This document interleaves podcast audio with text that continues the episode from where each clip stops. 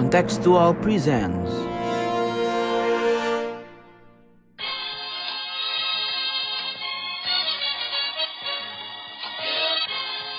sondern wir schaffen uns unseren Staat. Mr. Gorbachev, open this gate.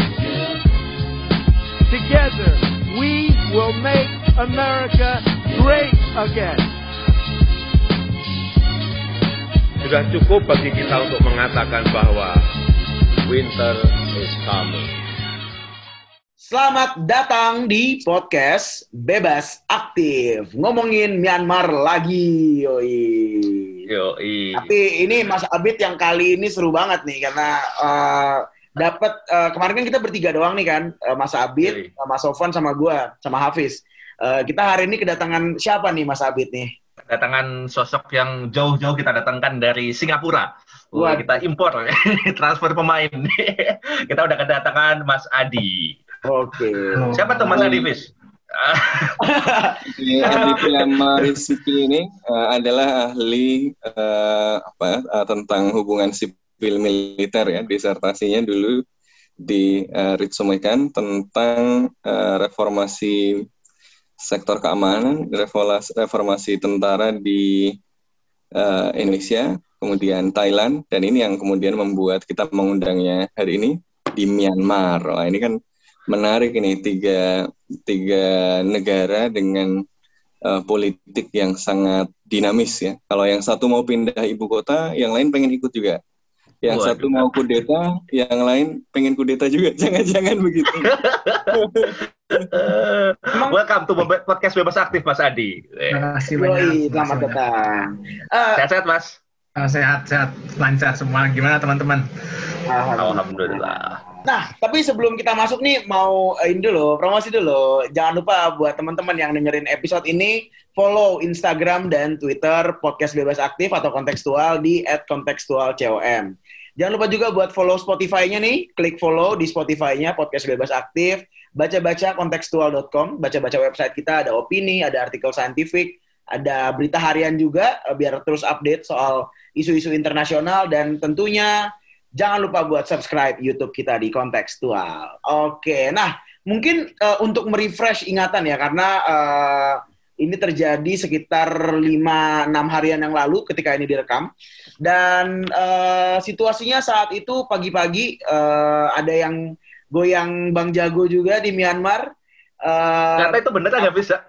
Mas Saman kan minggu lalu tuh ngomongin itu ya. Ternyata itu beneran loh. iya, ternyata itu Ternyata itu beneran Bang Jago. kita pikir itu hoax kan kita pikir itu apa deep fake atau apa dan ternyata eh, itu beneran dia joget ke eh, musik yang lagunya Bang Jago gitu kan dan eh, di saat itu di belakangnya eh, pihak militer baru saja menangkap Aung San Suu Kyi dan kolega lalu eh, pihak militer mendeklarasikan state of emergency dan eh, meng- apa ingin mengambil alih kekuasaan setidaknya untuk satu tahun ke depan eh, biasalah kalau kayak gitu kan bilangnya masa transisi, tapi kan kita nggak tahu transisinya sampai kapan kan.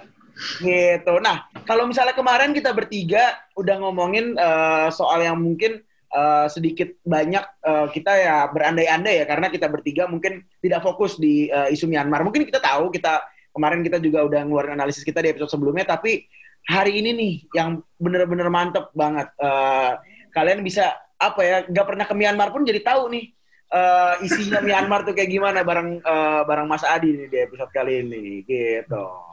Gimana Mas Abid? Eh, kita mau tanya apa nih ke Mas Adi? Ya pertama mungkin jadi apa sih Mas yang sebenarnya terjadi di sana itu Mas di dalam negeri itu kok tiba-tiba sampai kayak gini tuh? Oke, Myanmar? eh, eh, eh, eh, kudeta nih ya eh, sa- sebenarnya kemarin ya.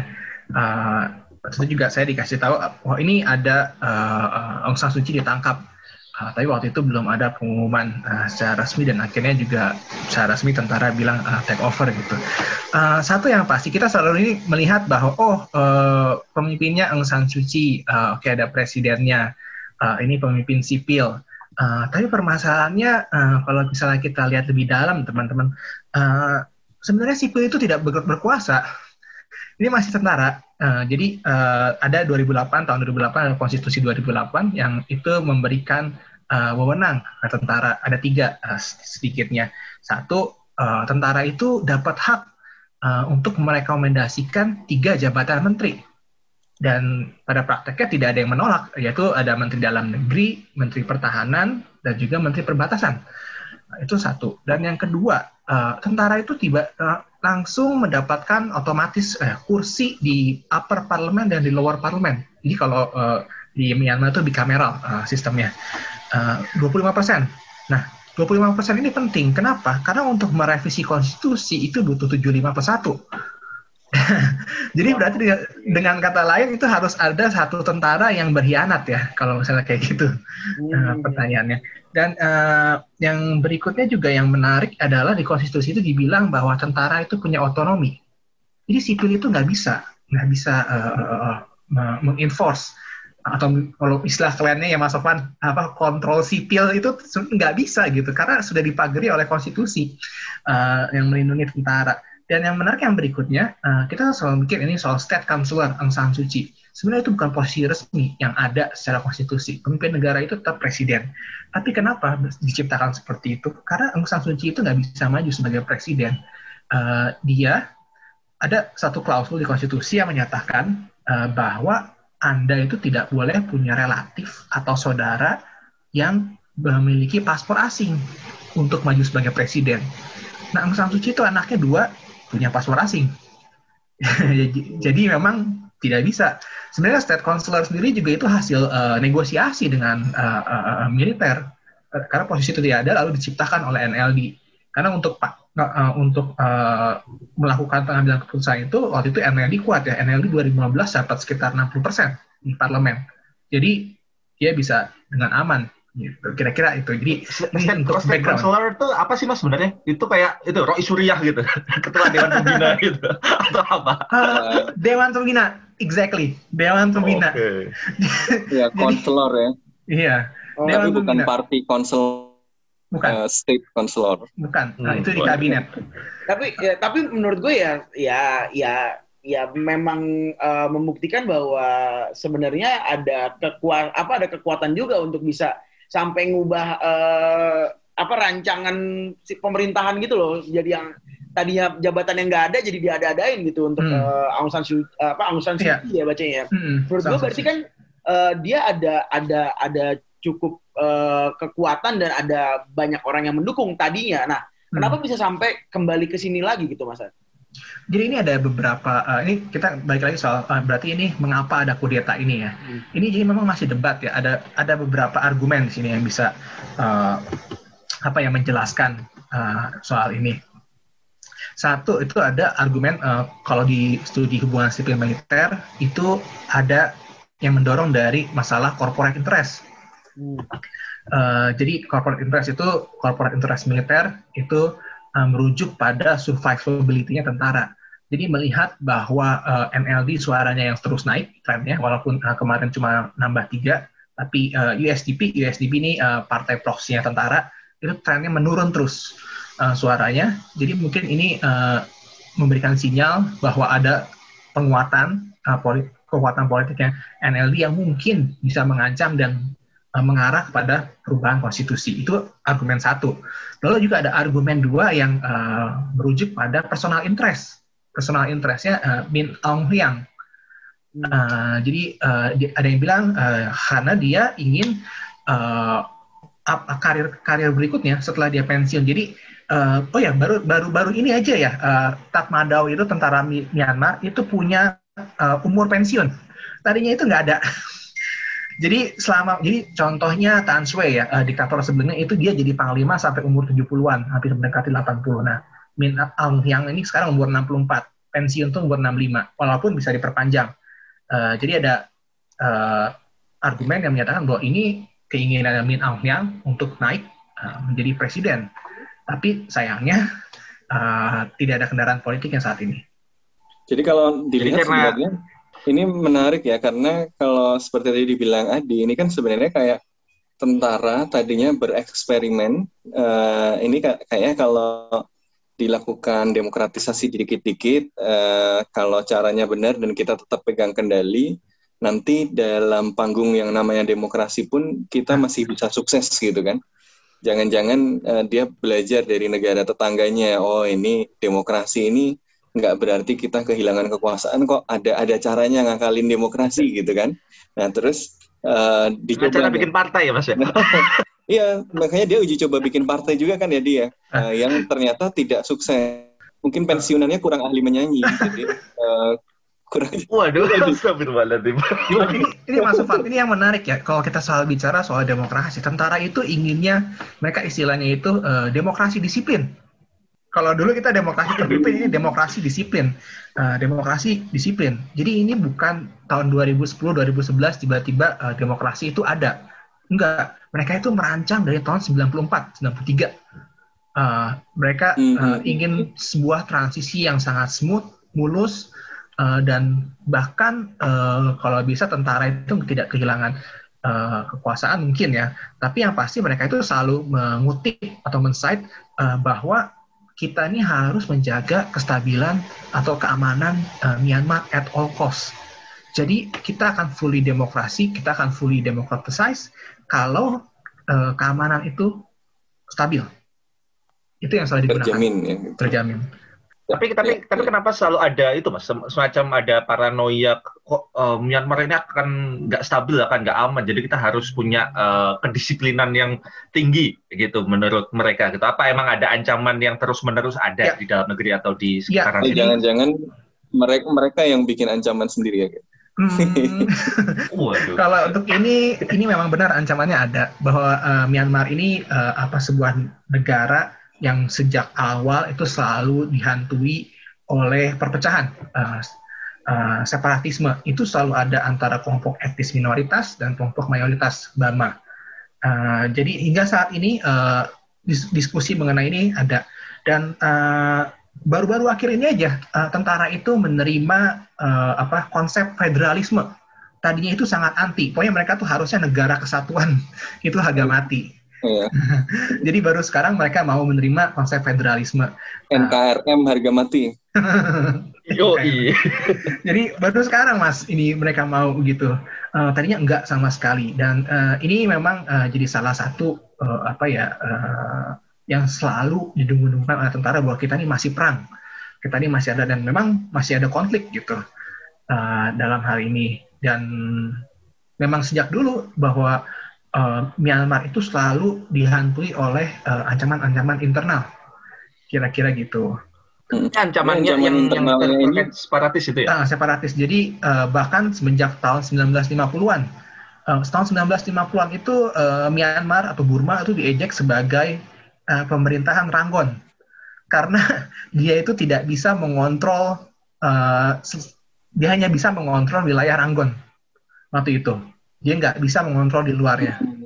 Tapi kalau dilihat dari sejarahnya kan memang ini apa ya? Hmm. Kenapa separatisme ini jadi problem? Ini kan juga karena sejarah uh, Myanmar ini sendiri ya. Uh, apa Myanmar dulu uh, ketika periode penjajahan Inggris itu kan uh, apa terjadi diskriminasi ya, dan stratifikasi sosial gitu di hmm. Myanmar yang orang-orang uh, Bamar itu merasa disingkirkan sebagai orang yang paling banyak tetapi kemudian di apa ya ya diperlakukan paling buruk gitu kan sementara ya. beberapa etnis minoritas itu malah karena mereka apa ya kemudian uh, uh, ya biasa taktik taktik kolonial biasa hmm, divide yeah. rule ya kan yeah, ya, uh, mereka mas. mendapatkan keistimewaan jadi ketika kemudian terjadi apa ya nasionalisme uh, muncul gerakan nasionalis. Ini senti bertautan dengan sentimen-sentimen nanti kelompok-kelompok yang dianggap diuntungkan ketika periode kolonial itu kan. Kalau nggak salah dulu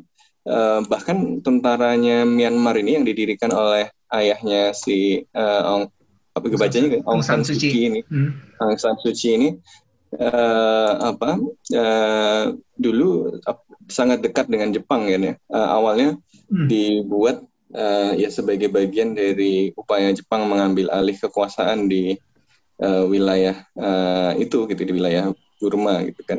Sampai yeah. sekarang katanya slogannya masih dipakai itu slogan yang dibuat zaman uh, Jepang itu dan tapi yang menarik adalah seperti juga di Indonesia gerakan nasionalis ini memanfaatkan uh, kekuatan eksternal merupakan Jepang, tapi ketika uh, Jepang kelihatan kalah, mereka juga kemudian uh, berbalik gitu ya. Tapi kalau Indonesia kan berbaliknya dengan vacuum of power jalan sendiri. Kalau uh, uh, Myanmar dia kemudian berkoalisi dengan Inggris, tapi kemudian meminta kemerdekaan. Dalam periode inilah kemudian si ayahnya uh, Suci terbunuh gitu kan. Hmm. Nah ini uh, apa? Jadi menurut uh, kalau, menurut gue kalau apa ya proses separatisme ini juga bukan sesuatu yang yang nggak tanpa sejarah gitu.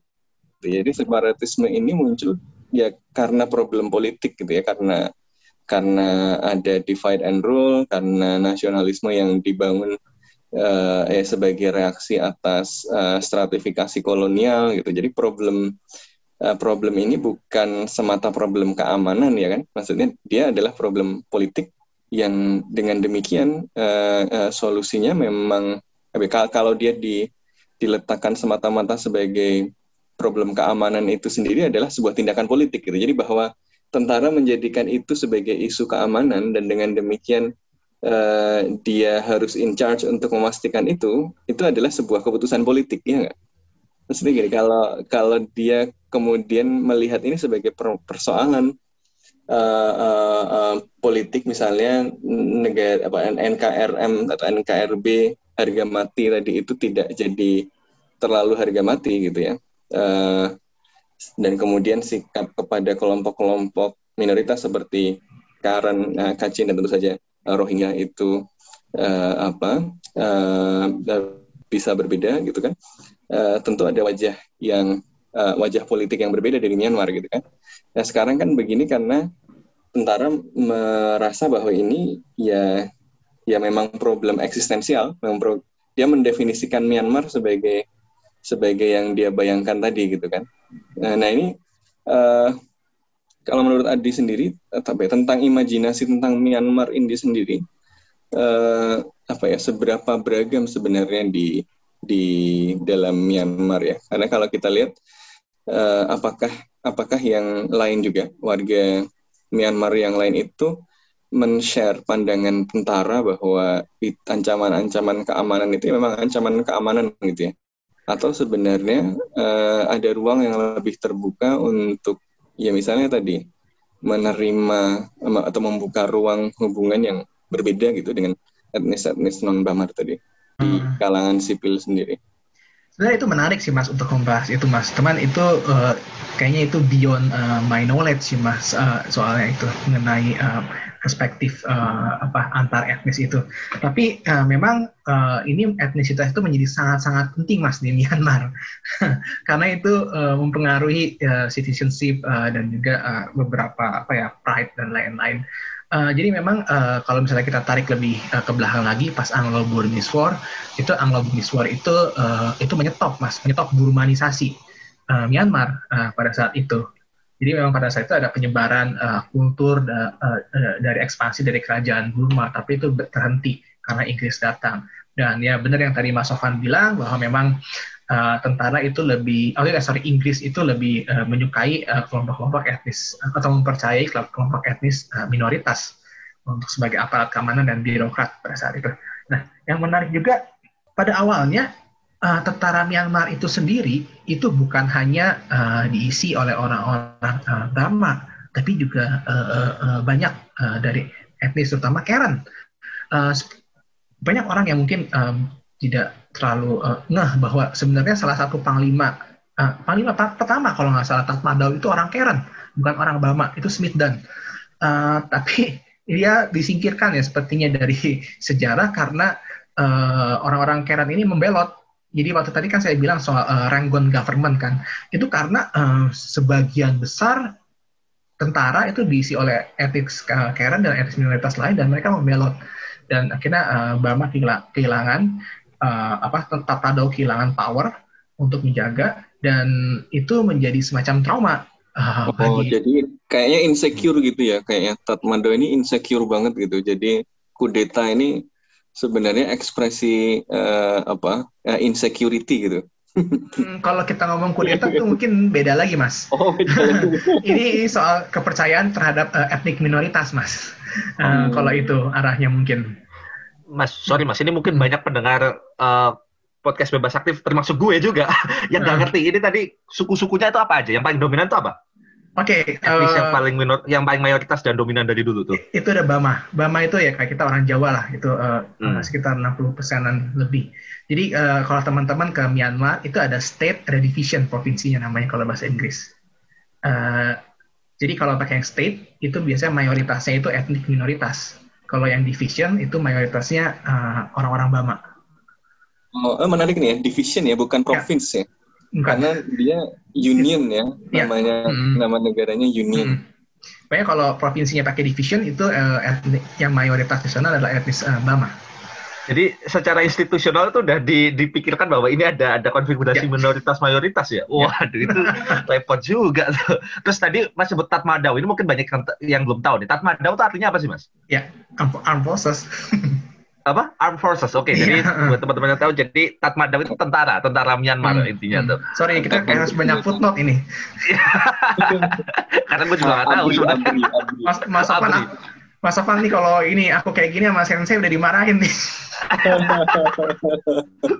Nah, tadi disebutkan soal ABRI juga nih Mas. Kan eh, kalau eh, berdasarkan cerita Mas tadi itu kan eh, ada ada peran militer yang cukup dominan dari awal. Tapi apakah memang mereka juga menggunakan apa ya narasi kayak Indonesia zaman dulu gitu kalau tentara itu organik lahir dari rakyat dan Ah. akhirnya itu manunggaling dengan rakyat. Nah, itu Nah, ini yang menarik Mas Abid nih, ini yang saya tunggu nih.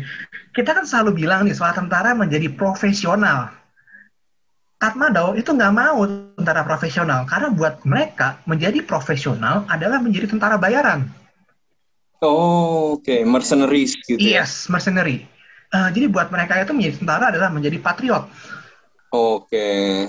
Jadi dia harus terlibat dalam segala bentuk eh, eh, eh, hubungan atau apa ya eh, isu berbangsa dan bernegara gitu istilahnya. Saya sebenarnya nggak ingin, Anjay. tapi kalau saya di- dipanggil oleh bangsa, ya saya mau gitu. Ya. Kira-kira Mm-mm. gitu kan? Mm-mm. itu udah bukan lagi dwi fungsi ya, tapi multifungsi. apa aja singkat. keren keren. Eh, jadi eh, dan dan apakah ide itu dari awal apa negara Myanmar itu berdiri itu selalu konsisten itu muncul terus mas bahwa ya kita tuh tentara itu ya multifungsi gitu tadi. Ya tentara itu eh, di atas segalanya. Maksudnya dia itu ya guardians of the nations ya. istilah- kalau hubung dalam studi hubungan sipil militer. Jadi sesuatu yang ibarat kata apa ya? Apa ya Mas Sofan ya? Paling suci enggak juga ya? Apa ya? ya, men- ya menjaga keutuhan Iya, negara. Ya. jadi sesuatu yang hakiki lah eh, dibandingkan eh, kelompok lain, terutama sipil gitu. Sipil itu dianggapnya inkompeten.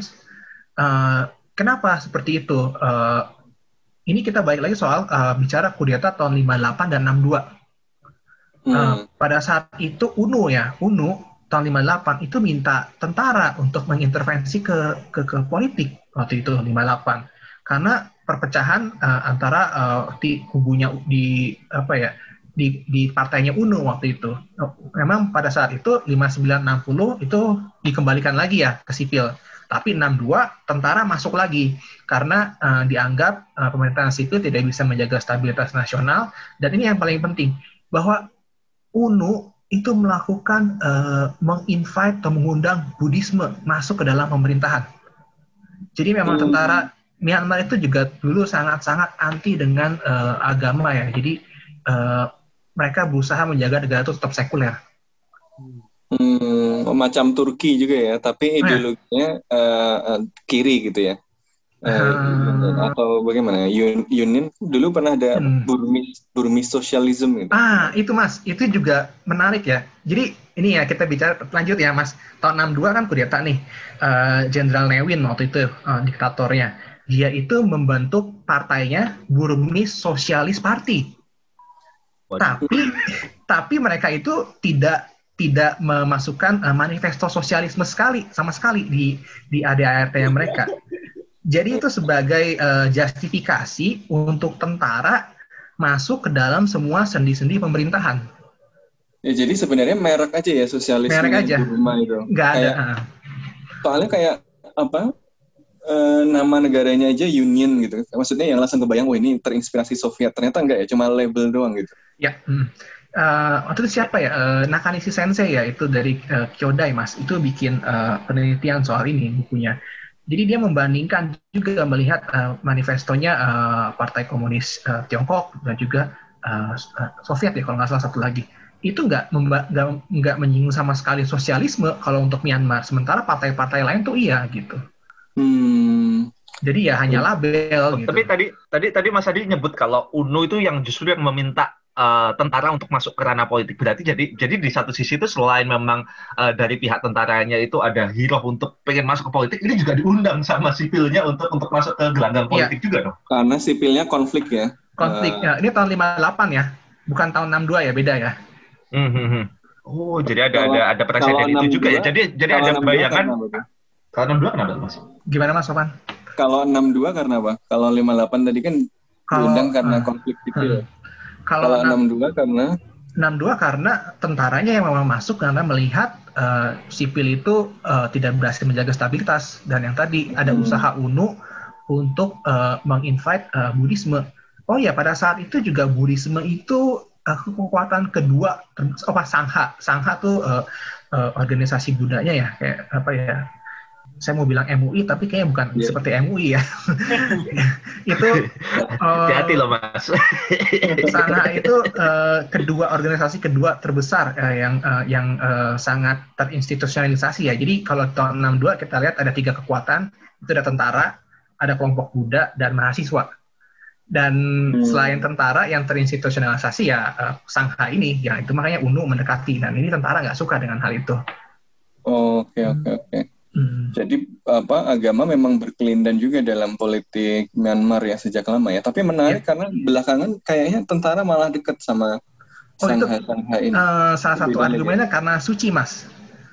Oke. Okay. Uh, uh, karena uh, suci uh, be begitu dia sebelum dia house arrest ya, uh, dia itu sangat dikenal dekat dengan uh, pendeta Buddha ya. Jadi dia suka ke ke ke mana?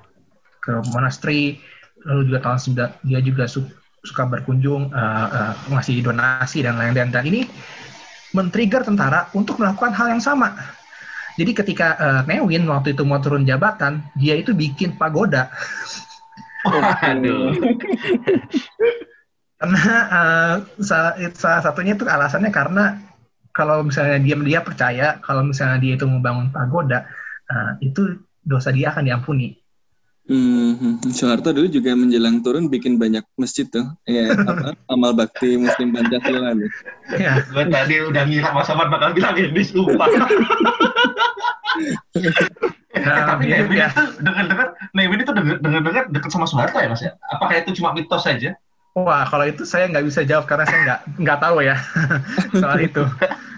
Ya, ya. Nggak, tapi kan uh, selalu ada selentingan bahwa ada hubungan yang menarik nih antara jenderal-jenderal uh, di Myanmar dengan Indonesia gitu. Hmm. Atau itu memang hubungannya kenegaraan aja atau memang itu hanya mitos aja?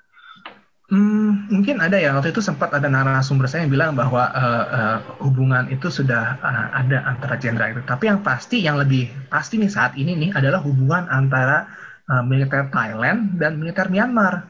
Hmm, Oke. Okay. Ya, menarik Mas Sofwan itu. Uh, karena uh, Min Aung Hlaing yang sekarang itu terkenal dekat dengan mantan panglima, um, sorry, mantan Chief of Defense Force-nya uh, Thailand uh, tahun 2000. Uh, Tanasak. Nah, Tanasak itu juga uh, Deputy Prime Minister uh, 2014 sampai 2017. Nah, uh, dan yang berarti menarik, terlibat juga di kudeta ya, kudeta exactly. Thailand ya. Iya. Dan uh, yang menarik lagi nih Mas, uh, si Min Aung Hlaing ini diangkat anak sama Prem Tinsulanoda. Kalau ikutin politik Thailand almarhum dia. Uh, dia itu uh, mantan ketua Privy Councilnya zaman uh, Bumibol. Dia itu salah satu royalis. Mm -hmm. Yang dia itu salah satu yang mengorkestrasi kudeta untuk yeah. Taksin. Yang apa uh, kuning deh baju kuning tuh ya? Ya, ya, salah satunya di sponsor ya. Jadi menjadi ini militer Myanmar dan militer Thailand itu semacam punya apa ya? Punya uh, punya kepentingan yang yang ber, ber, berkesahaluan lah tentang bagaimana hmm. sih meletakkan fungsi militer itu di di negaranya masing-masing atau atau cuma ya relasi-relasi aja? Uh, itu perlu dibuktikan lagi mas. Tapi kalau hmm. misalnya memang ada bisa dibuktikan bahwa mereka itu saling belajar, nah ini akan sangat menarik. Uh, gimana pertukaran ide di antara mereka ya? Oh, menarik sekali itu. Hmm, sejauh ini kemarin, sih, kemarin disertasinya belum sampai ke itu apa? Oh, eh, belum, Mas. kayak sosialisasi nilai eh, antar angkatan bersenjata gitu. Oh enggak mas, itu enggak sampai ke sana. Saya hanya membandingkan saja. Eh, kalau itu kan Iya, pembuktian link itu eh, sulit mas. iya, iya, iya, iya. Itu menarik sebenarnya. ya. Wah, kita itu berarti benar-benar banyak nggak tahu Mas Sofan ya tentang politik di Myanmar dan Indochina itu. Terbukti dengan Betul. Hafiz yang diam aja dari tadi Mas. Oh, iya. Tumben habis diem nih. Padahal Iya. bekas jajahannya Belajar Inggris. gitu. Tadi wah, gue, ini- gue gue sengaja mencela-cela Inggris biar Hafiz bereaksi sebenarnya. Eh, nah, nih gue eh, jujur masih belajar banget sih. Eh, semua hal yang gue dengerin tadi baru. Jadi gue kalau misalnya apa ngasih tambahan input juga kayaknya cuman nggak berguna juga kayaknya. Jadi lanjutkan lagi kawan-kawan ngobrol. Ya, jadi sebenarnya menarik tadi ya. Yang menarik yang gue highlight adalah eh, jadi ada tiga kekuatan besar gitu di dalam politik Myanmar ya sejak awal yaitu kekuatan sipil itu diwakili apa yang yang terorganisir itu Sangha dan eh, gerakan mahasiswa dan ini gerakan mahasiswa juga masih konsisten ya sampai sekarang dan tahun 88 itu kalau nggak salah ada gerakan mahasiswa besar yang Hmm. kemudian masih berdampak sampai sekarang ya makanya namanya apa bacanya gimana tuh 8888 movement itu 88 88 uprising mas. Ah. Hmm. ya nah itu eh, termasuk yang ditangkapin kemarin kan banyak orang Hmm, alumni aktivis. gerakan Hmm. gerakan 88 ini ya Eh, ini mungkin eh, menarik juga dicerita ini eh, Bung Adi gerakan mahasiswa ini eh, apakah apa, kondisinya sekarang gimana sih? Dan apakah berarti kalau dulu gerakan mahasiswa berarti sekarang sudah jadi semacam civil society gitu ya Hmm, yang hmm. yang kuat gitu? Atau memang masih kalah jauh dengan tentara? Jadi keseimbangan antar tiga kekuatan besar tadi itu gimana sih sekarang? Ini kalau eh, apa kalau di dari sisi kekuasaan politik kan masih militer ya kayaknya sampai bahkan masa transisi demokra- demokrasi pun masih dominan. Tapi kalau lihat pemilu kok eh, wajahnya lain gitu kalau ada pemilu yang menang kelihatannya dua faksi yang lain ini nih Eh, itu gimana sebenarnya peta kekuatan Hmm. dari tiga kekuatan politik di Myanmar ini Oh iya menarik sih mas. Kita mungkin sebelum 88 juga ada setelah 88 itu ada juga yang tahun 2007 mas yang Saffron Revolution. oh iya, iya, Eh, betul. ya, eh, tapi kan eh, dua gerakan itu di crush eh, oleh tentara ya bisa dibilang. Eh, nah, tapi mas ini ada catatan sedikit mas. Apakah kan hari ini juga kemarin hari ini tuh ada demo di Yangon Mandalay eh, sama Mandalay ya atau Nai Nai Pitau juga ya eh, demo eh, orang-orang keluar rumah dan me- menolak eh, kudeta ya. Eh, ini yang menarik Eh, karena kenapa yang gerakan saat ini mungkin menghasilkan sesuatu yang berbeda. Eh, satu eh, yang pasti tanda kutip pemerintahan sipil itu sudah berjalan selama satu dekade kurang lebih. Dan yang kedua, NLD sudah berkuasa sekitar lima tahun.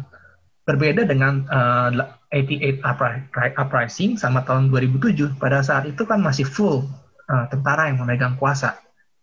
Dan mungkin, mungkin ya, eh, dan saya harap mungkin ya, eh, saya nggak bisa berharap sih, karena kalau berharap jadi saya jadi subjektif. Eh, mungkin se- berharap selama- boleh lah lima- 10 tahun eh, pemerintahan sipil eh, tanda kutip sipil eh, dan juga eh, lima tahun NLD berkuasa mungkin ini lebih memperkuat gerakan civil society ya mungkin. Eh, kalau mis- eh, mungkin misalnya mereka sudah eh, lebih banyak eh, outreach dan lain-lain. Eh, dan juga yang menarik mungkin orang-orang juga eh, bisa membandingkan hidup di bawah eh, rezim otoriter dan hidup di eh, eh, apa ya eh, di bawah pemerintahan eh, sipil tadi. Eh, mungkin ini bisa menjadi satu apa ya pembeda dibandingkan eh, dua gerakan eh, eh, civil society sebelumnya ya di tahun 88 dan di tahun 2007 Jadi ada kemungkinan besar berhasil ini perlawanan pada kudeta. atau tentaranya yang akan menggunakan cara baru. Kalau misalnya dia melakukan kekerasan misalnya keras kayak tahun 88 atau 2007 dia itu mungkin akan lebih backfire ya eh, pada Hmm. saat ini ya Sorry, gue lihat itu di di di berita-berita itu banyak apa masyarakat sipil yang menolak gitu mas yang pakai apa namanya mobil itu di apa dibelin terus Iya. ada hmm, pokoknya macem-macem lah. Angkat jari kan tiga kan ini eh, yoi. Ya nah itu sebenarnya gimana sih? Emang emang dukung masyarakatnya gimana? Posisi sipilnya itu sekarang gimana? Eh, apakah itu- emang inclined banget dengan militer atau mungkin kita sangat minim informasi nih? Eh, itu memang eh, terbelah ya, tapi buat sebagian masyarakat kelas menengah, uh, Aung San Suu itu memang benar-benar berjasa buat mereka. Karena mereka Aung San Suu di eranya Aung San Suu ini dan mungkin to some extent di presiden sebelumnya di eranya Thein Sein itu juga membuka kesempatan lebih besar uh, untuk uh, mobilitas sosial dan itu yang tidak ada mungkin atau minim uh, ketika tentara berkuasa. Jadi ini yang mungkin menjadi satu pembeda ya yang tadi saya bilang uh, di orang-orang mungkin sudah merasakan bedanya uh, hidup di bawah direct military rule dan selama satu dekade ke belakang orang bisa melihat hmm. uh, mana yang lebih cocok buat mereka gitu. Tapi sejauh dari teman-teman uh, Myanmar yang saya kenal, mereka merasa sangat berterima kasih dengan Aung San Suu Kyi karena ya mobilitas sosial ada gitu, meskipun um, apa ya nggak wah banget gitu loh, tapi bisa gitu. Iya, iya, ya, ada perbaikan nasib yang hmm. konkret gitu ya. Ya. Nah, cuma akhirnya tadi uh, boleh ada harapan, tapi sekarang ini kayaknya apa ya? Zamannya revolusi nggak berhasil walaupun secara gerakan itu berhasil gitu kan kita, kalau kita lihat kayak di hmm. Thailand juga itu masif sekali uh, besar sekali tetapi uh, nggak berhasil juga itu hmm. mendongkel kekuasaan dari uh, militer di Hong hmm. Kong juga gerakannya besar sekali uh, ternyata juga mentok ya. di, dan tentu saja di Indonesia kayak kasus KPK omnibus law itu kan besar-besaran sekali juga nggak berdampak gitu ya kalau apa kalau ngomong soal ini kan uh, ada ada apa ya konsep alignment antara celah di level nasional dengan celah di level internasional gitu ya. Revolusi-revolusi hmm. yang berhasil itu ketika dia align ya dengan dengan apa perubahan di level internasional gitu. Yang yang sayangnya sekarang kayaknya kondisinya nggak terlalu memungkinkan untuk itu gitu. A atau kalau untuk kasus Myanmar jangan-jangan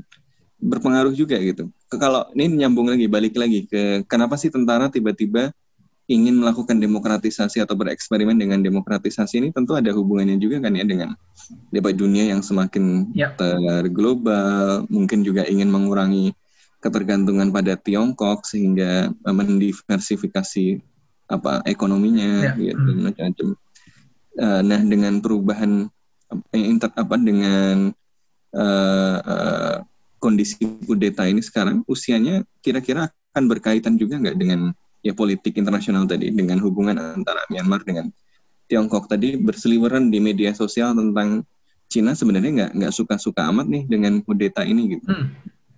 Ya mas, uh, ini, ini menarik sih mas soal kalau misalnya kita bicara soal politik luar negerinya Myanmar mas.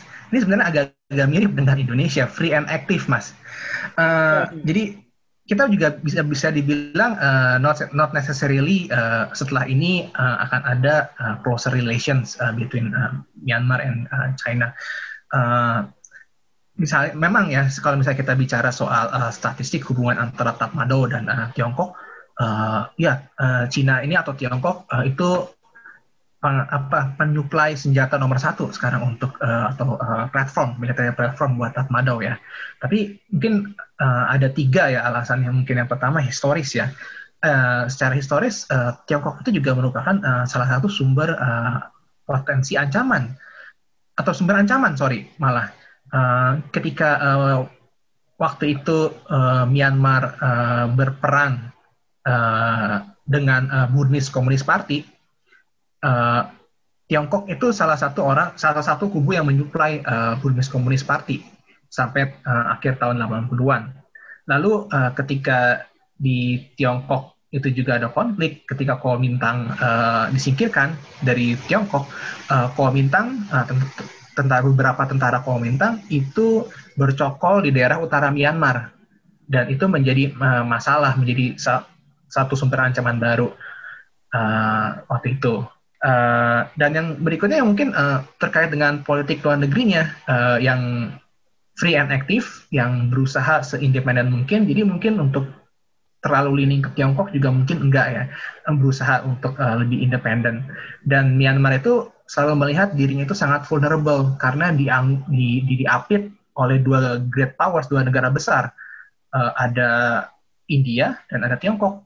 Dan yang ketiga yang tadi Mas Sofan uh, bilang, Uh, jadi memang uh, apa ya tulisannya ada di East Asia Forum yang terakhir ya ini uh, yeah, yeah. bahwa ternyata mungkin ini nggak bagus buat bisnis karena Tiongkok juga selain uh, dia menginvestasi, dia juga kan melihat pasar.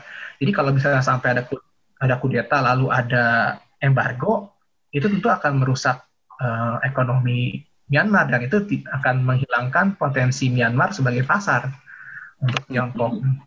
Kalau kita lihat cerita Myanmar tadi ya, mulai dari tentaranya yang lahir dari apa ya eh, akhir-akhir uh, periode Perang Dunia Kedua, lalu peran tentara yang multifungsi atau dui fungsi tadi, lalu peran besar kelompok keagamaan, peran besar kelompok uh, mahasiswa dan tentara ya kemudian politik luar negerinya yang bebas aktif juga gitu kayaknya banyak banget paralelnya sama Indonesia nih gitu. kayaknya menarik juga nih kita bahas paralelnya dengan Indonesia gitu kita nggak kenal nggak kenal Myanmar gitu tapi kalau semakin kita dengar cerita-cerita Myanmar ini kayak oh familiar juga nih ceritanya gitu.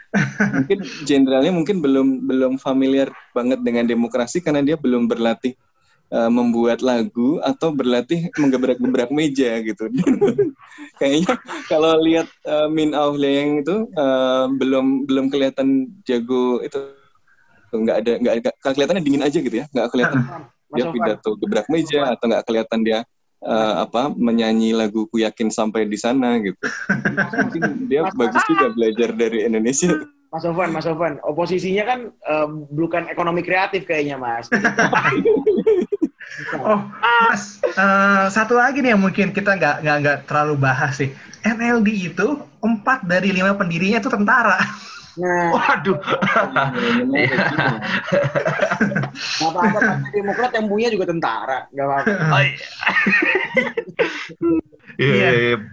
Nah, karena Jadi banyak paralel tadi, uh, kayaknya mm -hmm. menarik juga melihat apa ya uh, kaitannya sama Indonesia gimana Bit? Biasanya pengamat uh, Indonesia ini. Lo kalau yang rada berbahaya lo oper ke gue ya mas ya. Enggak kalau menurut gue ini banyak banyak pelajaran yang bisa kita ambil sih bahwa uh, gimana pun juga Myanmar uh, seperti yang dijelaskan Mas Adi tadi itu punya sejarah panjang mengenai peran militer yang cukup kuat di negara tersebut. Kita juga kalau bisa melihat negara lain ada Turki juga yang yang uh, punya uh, military grip yang cukup kuat di di ranah masyarakat. Nah Indonesia kan juga harus kita akui kita tuh baru merasakan kondisi kayak gini kan sejak uh, reformasi. Orang itu suka lupa gitu ya, terutama yang yang yang anak-anak muda yang yang tumbuh besar di era di era pasca reformasi ya kayak gua sama Hafiz gitu. Sorry ya Mas Afan. Ini apa maksudnya membawa? nah itu kan itu kan nggak pernah ngerasain itu mas. Bagaimana ada peran tentara yang cukup uh, kuat di dalam masyarakat. Kayak gue sama Hafiz aja kalau ada ospek atau mos yang macem-macem aja pengennya itu pengen memberontak aja kan. Padahal dulu kan kalau uh, apa namanya uh, mahasiswa itu di ya ada yang pelatihan sama tentara dan sebagainya dan sebagainya. Nah uh, ini juga menunjukkan kalau menurut gue sih uh, bahwa demokrasi di di di di, di bawah kendali sipil itu uh, jangan kita take for granted tapi ini ini proses yang terus menerus dijaga gitu dan jangan sampai kalau kalau gua ngelihat uh, yang diceritain Mas Andi tadi itu jangan sampai juga ber, berupaya untuk menarik menarik kekuasaan militer yang terlalu uh, jauh ke dalam uh, politik sipil yang itu kemudian berbahaya dan itu akan jadi presiden sampai sekarang kalau dalam kasus Myanmar. Tapi selain itu Mas Adi, uh, apa pelajaran yang bisa kita petik untuk untuk demokrasi Indonesia? Bentar, bentar. Gue pengen mempertajam tadi. Apa tuh? Sampai sekarang dalam kasus Myanmar gitu. Dalam kasus yang lain enggak, Bit? Iya kan relatif mas, kan nggak ada spektrum mutlak di sini. ya, kalau dibanding Myanmar masih lebih lebih asik kita lah untuk urusan sipil militernya. Ya nggak ada yang bilang sama kita. Lanjut nih. Oke, okay, uh, iya. Aduh. Uh, mungkin ini ya, mungkin yang uh, bisa jadi uh, PR, uh, terutama untuk uh, akademisi yang uh, studinya hubungan sipil militer ataupun politik, uh, self initiated reform. Uh, itu mungkin uh, patut dipertanyakan lagi ya uh, ketika terutama ketika uh, uh, kelompok sipilnya itu lemah uh, dalam arti tidak bisa catch up misalnya dengan uh, tentaranya. Karena uh, bagaimanapun juga apa ya Mas Sofan tuh dulu yang pertama kali bilang uh, uh, uh, ke saya waktu itu saya presentasi Mas Sofan bilang it takes to tango uh, hubungan sipil militer itu. Uh, jadi kalau misalnya ini hanya dari sisinya tentara dan sipilnya tidak berkembang uh, atau bahkan uh, malah uh, sipilnya uh, berusaha narik-narik tentaranya lagi, ya ini akan mengancam gitu bahwa apa pun yang dilakukan tentara, misalnya melakukan self initiated reform itu bisa uh, bubar. Uh, jadi memang kontrol sipil itu penting di sini. Uh, jadi sipil itu harus mengembangkan diri uh, agar dia bisa mengontrol gitu. Kalau kalau hanya mengharapkan tentara melakukan kontrol itu sendiri ya sulit gitu. Orang orang dia yang punya senjata gitu. Kenapa saya harus nurut sama orang apa ya kayak kayak misalnya gitu ada 100 singa dipimpin sama satu domba ya gimana ya? Iya itu, itu jadi jadi pelajaran penting, Mas Sofan. Tapi uh, apakah dalam kan dalam banyak negara lain nih di dunia ini kan selain ada apa namanya relasi sipil militer kan juga ada relasi dengan polisi juga, Mas. Nah itu sebenarnya gimana, Mas Sofan? Menurut Mas Sofan untuk pelajaran bagi demokrasi kita? Nah itu menarik juga karena uh, polisi ini kan dulu di berbagai negara juga menjadi bagian dari militer gitu ya, dan uh, ya memiliki. Mas kalau mau selamat bisa dilempar lagi ke Myanmar mas soal polisinya.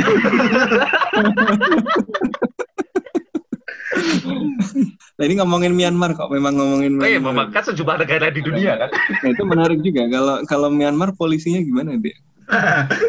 ya ini safe. Ya diterima mas umpan lambungnya mas. Uh, memang lebih aman kayaknya kita kalau ngomongin uh, soal uh, negara tetangga ya. ya uh, Myanmar uh, polisinya uh, Myanmar Police Force. Uh, jadi kan tadi di awal saya bilang uh, posisi Mendagri ya itu bisa dari rekomendasi uh, uh, dari tentara kan. Nah Mendagri itu mengepalai polisi. Jadi MPF Myanmar Police Force itu di bawah Kementerian Dalam Negeri dan uh, hmm. saya lu saya saya udah nggak saya belum ngecek lagi sih uh, tapi pas saya zaman saya uh zaman saya zaman saya bikin desertasi uh, kepala polisinya uh, kapolrinya itu uh, itu dari tentara. Jadi banyak dari angkatan darat itu ditransfer ke ke Myanmar Police Force. Jadi selain mereka rekrut juga ada uh, yang di tentara. Jadi mereka itu tentara angkatan darat itu menganggap uh, bahwa ya Myanmar Police Force ya bagian dari kita meskipun beda departemen loh Hmm. Ini dalam Departemen Dalam Negeri, tapi mereka tuh menjaga informal links, mempengaruhi. Hmm. Oh, jadi Mendagrinya itu bukan bukan Kapolri atau atau dari Polri-nya Mas ya, tapi dari tentara ya atau, atau gimana tadi? Ya, itu uh, secara bahasanya sih direkomendasikan oleh tentara, tapi ya istrinya ya ya tapi apa uh, realitanya ya uh, isinya ya jenderal tentara yang jadi menterinya. Uh, jadi tunjuk sama tentara dan Nah, Kapolri-nya itu bekas tentara. Jadi yang ditransfer. Jadi ada satu waktu dari angkatan dari angkatan darat itu ditransfer ke Myanmar Police Force. Oh, oke okay, oke. Okay. Hmm. Tapi nggak kayak di Indonesia yang dulu dia adalah angkatan keempat gitu ya. Jadi memang uh, apa lebih profesional kayaknya polisinya apa uh, di Myanmar gitu untuk Dibanding mana mas? Antara, bukan pemisahan antara keamanan uh, apa ya uh, dan uh, per, uh, pertahanan itu uh, agak kepisah gitu ya. Maksudnya hmm. polisi uh, yang urusannya domestik gitu dengan uh, pertahanan atau keamanan yang diurusi tentara gitu kelihatan batasnya atau enggak? Karena kalau kayak di Indonesia itu kan dulu uh, Hmm. polisi itu ya bagian dari angkatan juga gitu kan makanya kalau kita ketemu sama polisi masih uh, apa ya kadang-kadang masih oh orang angkatan orang atau orang anggota gitu kan maksudnya uh, itu kan bahasa-bahasa yang digunakan ya karena dulu pernah berada di dalam satu wadah yang sama gitu kan Uh, ini yang menarik ya mas, technically seharusnya bisa ya seperti itu ya ada pemisahan, tapi ternyata enggak mas untuk internal security, uh, terutama pada saat uh, zaman tentara uh, di, di bawah direct military itu bahwa uh, operasi militer terutama drug raid itu juga uh, tentara terlibat terutama di daerah uh, uh, uh, uh, apa ya rural area ya di daerah hutan. Jadi either antara itu tentara atau uh, operasi gabungan dan yang menarik ya memang uh, bahwa drug apa uh, drug kingpins itu banyak uh, yang terkait dengan insurgensi jadi itu juga memberikan uh, apa ya justifikasi untuk tentara untuk ikut di sana gitu. Dan ya, ya. tapi meskipun uh, mulai sekarang mulai uh, sedikit berubah ya ada burden sharing ya uh, antara uh, MPF dan uh, Tatmadaw. Oke oke hmm. menarik menarik menurut gue highlightnya ya tadi itu uh, bahwa ya reformasi militer di mana pun ya itu harus dibarengi juga. Tidak hanya reformasi militer, termasuk reformasi sipilnya gitu ya. Termasuk bagaimana kekuatan-kekuatan sipil itu juga harus membangun kapasitas dan jangan kemudian kalau ribut sesama mereka kemudian ya untuk mengubah balance of power di dalam politik undang-undang orang yang punya senjata gitu. Kan kadang-kadang gitu karena kita nggak karena kita merasa wah ini nggak kuat nih uh, dikerjain sama yang lain terus bawa-bawa uh, yang punya senjata biar uh, apa bisa lebih kuat nih daya tawarnya di dalam politik. Nah jangan jangan jangan jangan uh, apa ya kita terjebak dengan kondisi seperti itu. Jadi kayaknya memang PR banget nih di semua tempat ya, termasuk di menurut gue sih di kita juga yang membangun uh, sipil yang yang memang punya kapabilitas ya dan uh, ya tadi bisa kemudian me mendorong sistem politik ya dan demokrasi yang sehat nih. Kayaknya tantangan buat kita semua nih. Mas, eh, aku boleh namain sedikit nggak soal itu, Mas? Uh, si, itu uh, kapasitas sipil, Mas. Ini ada ada hal yang berbeda, Mas. Ada sipil yang memang uh, tidak bisa atau sedang uh, berusaha membangun kekuatannya. Ada juga sipil yang sebenarnya sudah di atas angin, tapi pura-pura lemah. Iya, iya, iya. Itu dua hal yang kenapa tuh? Kenapa tuh? Nah, uh, kenapa tuh? Sebenarnya gitu ya, ada momentum gitu. Misalnya ketika uh, ada uh, reformasi militer, uh, bahwa militernya terpojok, uh, lalu militer terpaksa melakukan reformasi. Jadi itu kan sebenarnya memberikan angin ya ke sipil. Bahwa sipil itu di atasnya tentara uh, bisa mempertahankan supremasi sipil. Tapi ternyata uh, sipil itu seolah-olah menjadi sangat butuh tentara karena eh, untuk misalnya uh, sebagai penyeimbang dan itu yang apa ya kayak menunggangi lebih harimau. Menyedih, lebih menyedihkan lagi itu kan. iya gitu. Jadi sipilnya yang narik-narik gitu. Uh, beda lagi gitu bahwa kalau misalnya kita lihat kasusnya Myanmar memang sipilnya dikunci gitu. Mm-hmm. Uh, lewat Berarti konstitusi. kalau yang menyedihkan tadi lihat kasusnya mana, Dik? Waduh. Thinking ya beberapa negara lah mas. Banyak sekali dalam sejarah kita itu. Sejarah dunia ya maksudnya ya. Oke mantap. Kayaknya udah cukup ya, Fis. Ini waktunya udah ya. mantap penjelasannya sangat elaboratif. Thank you banget Mas Ya, Adi atas banyak, uh, ya. pencerahannya buat kita uh, dan juga buat teman-teman yang dengerin podcast bebas aktif. Mantap banget. Banyak pelajaran yang bisa kita ambil dari uh, apa yang terjadi di Myanmar belakangan Jangan ini. bosan Dan diundang di uh, ya Ya, jangan bosan Ya, diundang Mas Adi. banyak Ini ya. kita akan sering ngobrol-ngobrol Iya. tentang banyak hal. Mudah-mudahan nggak kapok dan mudah-mudahan nggak ada kasus ya. kita tuh ya, Fis, podcast bebas aktif tuh banyak banget nyerempet-nyerempet, tapi alhamdulillah sampai sekarang itu uh, pendengarnya nggak ada yang cepu tau. Ini kayak teman-teman kita di second account tau gak? Jadi nggak ada yang cepu, ini mantap. Di Spec Conference, pendengar bebas aktif mantap. sepede apa lu gak ada yang cepu, Mas? ya beda banget, karena kan Mas Sopan duluan ya. Iya, iya, iya. Mas Sopan masih aman, masih aman ya, harusnya ya. Iya. Oke, gue tutup ya? Mas Abid ya. Jadi terima kasih banyak Yoi. juga eh, Mas Adi, Mas Sofan, dan Mas Abid atas obrolan ini. Gue kayak pendengar daripada ngisi podcast nih sebenarnya. Tapi gak apa-apa, gue senang karena eh, ilmunya banyak banget dan eh, ya mudah-mudahan apa pun yang terjadi buat Myanmar ataupun negara lain yang sedang demokrasinya merasa terbatas, eh, mudah-mudahan bisa segera eh, melaluinya dengan baik dan eh, damai. Gitu Ya, aja dari banyak. podcast Bebas Aktif episode eh, kali ini. Dengerin episode yang lain dan sampai jumpa di episode selanjutnya. Terima kasih banyak semuanya. Thank you, thank you.